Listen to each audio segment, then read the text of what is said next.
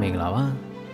မျိုးပြဤ new normal နဲ့ပျောက်ကြားဤအရွေလို့အမည်ရတဲ့မြမနွေဦးခရိုနီကယ်အောက်တိုဘာ9မြင်ခွင်မိုးမခဆောင်းပါအားစတင်ဖတ်ကြားပေးပါမယ်။တပြားဆရာကြီးစော်အေးနဲ့ကာတွန်းဆရာရာဇာတာစီတို့ဒီရက်ပိုင်းအတွင်းရှေ့စစ်နောက်ဆင့်ကွယ်လွန်သွားကြတယ်။ခစ်ကိုထင်ဟပ်တဲ့ကြပြားတွေကာတွန်းတွေရေးသားကြသူတွေကွယ်လွန်ကြတာမို့စာပေအတိုင်းဝိုင်းကဝမ်းနည်းစွာမှတ်တမ်းပြုကြပါတယ်။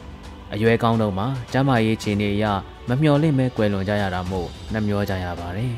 ။မြမပြည်မှာကမြို့ရောနယ်ပါကျမ်းမာရေးဆောင်ရှောက်မှုပိုင်းစုပ်ယုပ်နှိမ်မာနေတာမို့တာမန်ပြည်သူလူထုအတွက်အများကြီးဒုက္ခရောက်နေကြပါတယ်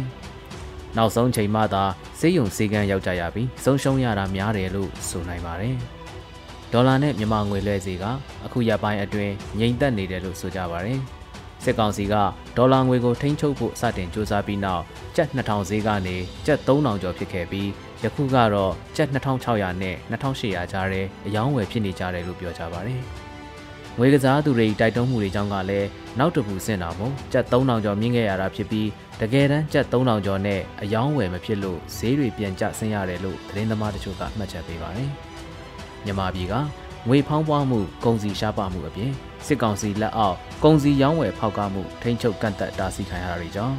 ပြည်တွင်းဈေးကွက်မှာအကုန်လုံးဈေးကြီးတာဖြစ်ပါတယ်။မြန်မာပြည်တွင်းကစားတောက်ကုန်ဟာပြည်တွင်းမှာတွင်တရားခိုင်နှုန်းနီးပါးလဲပတ်ဝယ်ရောင်းစားတောက်နိုင်တာမို့ပြည်ပသွင်းကုန်နဲ့နိုင်ငံခြားငွေကိုမရှိမဖြစ်ကုန်ပစ္စည်းများကမိခိုးစရာမလိုပါဘူး။သို့တော်လည်းယခုအချိန်ထိမြို့ပြလူနေမှုစတိုင်မှာတော်လန်ရေးကာလမတိုင်ခင်ကအတိုင်းပုံမှန်စားတောက်သွားလာဖောက်ကားမှု ဟန်ချက်မပြတ်နေထိုင်သူလူဒန်းစားကအခုထိမလျော်သေးတာမို့သူတို့ဈေးကွက်ကအားကောင်းနေတာဖြစ်ပါတယ်။အလဲအလက်နဲ့အခြေခံလူဒန်းစားမှာကတော့ချိုးချံချွေတာနေထိုင်နေရပြီးအလောက်ကန်ရှားပါမှုစာဝတ်နေရေးကြက်တဲမှုကိုနေ့စဉ်ခါးစည်းခံနေကြရပါတယ်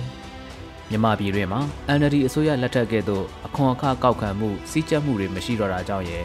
အစိုးရ၏လုပ်ငန်းလည်ပတ်မှုများပုံမှန်မရှိတော့တာကြောင့်ရဲ့စစ်ကောင်စီအစိုးရလုပ်ငန်းများလည်ပတ်နေမှုဟာရခိုင်စစ်အစိုးရများလက်ထက်ကအတိုင်းလက်ပေးလက်ယူဂျားပေါက်ဝင်ငွေတွေနဲ့လည်ပတ်နေတာဖြစ်နေပါပြီ။ဝန်ထမ်းလစာဆိုတာကလည်း CDM တွေ၏လစာများထုတ်မပေးတော့တဲ့နောက်မှာဌာနဆိုင်ရာတွေ၏ဝန်ထမ်းဘတ်ဂျက်တွေလည်းပွင့်လင်းမြင်သာမှုတွေမရှိတော့ဘူးလို့ဆိုနိုင်ပါတယ်။ လက်ရှိဘဏ်လုပ်ငန်းတွေကလဲပတ်နေတဲ့ငွေကြေးဆိုတာကလည်းပုဂ္ဂလိကလုပ်ငန်းများပြင်ပဝန်ထမ်းများမိသားစုပို့ငွေသွင်းငွေများနဲ့ကုန်စည်လက်ပတ်မှုများကအဓိကစီစဉ်ရဖြစ်နေပါပြီ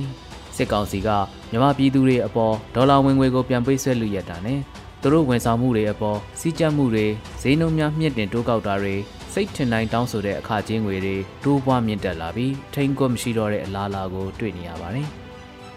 ရခိုင်စစ်အစိုးရတွေလက်ထက်မှာတော့ကပြင်ပမှာဈေးသက်သာနေပြီဖြစ်တဲ့ mobile phone စနစ်ကိုပြည်တွင်းမှာဈေးအဆမတန်မြင့်ပြီးထိန်းချုပ်အမြတ်ထုတ်ခဲ့တာမျိုးတွေစစ်ကောင်စီကလည်းခြေလှမ်းတွေပြင်ဆင်နေပုံရပါတယ်။နောက်ဆုံးသတင်းကတော့ရန်ကုန်မြို့ပြပျောက်ကြားအဖွဲ့တွေကရန်ကုန်မြို့တော်စင်ကြီးဘုံကမြို့သစ်တွေမှာဘုံခွဲတိုက်ခိုက်တာတွေတိုးမြင့်လှုပ်ဆောင်လာကြောင်းသူတို့ကိုယ်တိုင်ကသတင်းထုတ်ပြန်လာပါတယ်။ စစ်ကောင်စီနဲ့ပတ်သက်သူများစစ်ကောင်စီကိုဆက်ကြေးပေးအခွန်ဆောင်သူများဒုစရိုက်လုပ်ငန်းအားပေးသူများလောက်ကင်သူများကိုပြစ်မှတ်ထားတိုက်ခိုက်သွားမယ်လို့သူတို့ကပြောပါတယ်မြန်မာစပရင်းသတင်းထဲမှာယနေ့အောက်တိုဘာ9ရက်ည9:52မိနစ်ခန့်ကရာယမှုအောင်ကျော်စောပိုင်ဆိုင်သောရွှေမြင့်မိုအဖျော်ရမကစတိုးဆိုင်ရှိဖောက်ခွဲတိုက်ခိုက်ခဲ့ခြင်းဖြစ်ပြီးရာယမှုပိုင်ရင်တစည်းပျက်စီးသွားသည်ဟုဆိုထားပါတယ်။အထက်ပါတိုက်ခိုက်မှုကိုတောင်တကုံပျောက်ကြားတပ်ဖွဲ့ SDGF နှင့် ဒိုရိုးရပျောက်ကြားတပ်ဖွဲ့စသည့်ညီနောင်မဟာမိတ်ပူးပေါင်းတပ်ဖွဲ့ဝင်များကတိုက်ခတ်ခဲ့ခြင်းဖြစ်ပြီးရဲဘော်များလုံခြုံရာသို့ရောက်ရှိနေပြီဖြစ်ကြောင်းအသိပေးထားတယ်လို့ရေးထားပါတယ်။ရခင်တလကျော်ခန့်ကစစ်ကောင်စီသတင်းပေးများလက်ချက်နဲ့ပျောက်ကြားအဖွဲ့အချို့ဖြိုခွဲနှိမ်နင်းခံရပြီးနောက်ပိုင်းရန်ကုန်မန္တလေးအစရှိတဲ့မြို့ကြီးတွေမှာသူတို့ပြန်လည်နှိုးထလာပြီလို့ဆိုနိုင်ပါတယ်။ ကျေးလက်ကနေတွန်းလှန်ပြီးမြို့ပြကိုဝိုင်းကြမယ်လို့ကာကွယ်ဒုဝန်ကြီးနိုင်ကောင်းရွက်ပြောကြားခဲ့သလိုဆိုရင်မြို့ပြကပျောက်ကြားပြူဟာတွေကို NUG ကာကွယ်ရေးနဲ့ပြည်ထောင်စုဝန်ကြီးဌာနတွေကဘလို့လက်တွဲဆောင်ရွက်နေတယ်လဲဘလို့သဘောထားချမှတ်ထားတယ်လဲဆိုတာစိတ်ဝင်စားစရာမေးခွန်းဖြစ်နေပါတော့တယ်ခင်ဗျာ။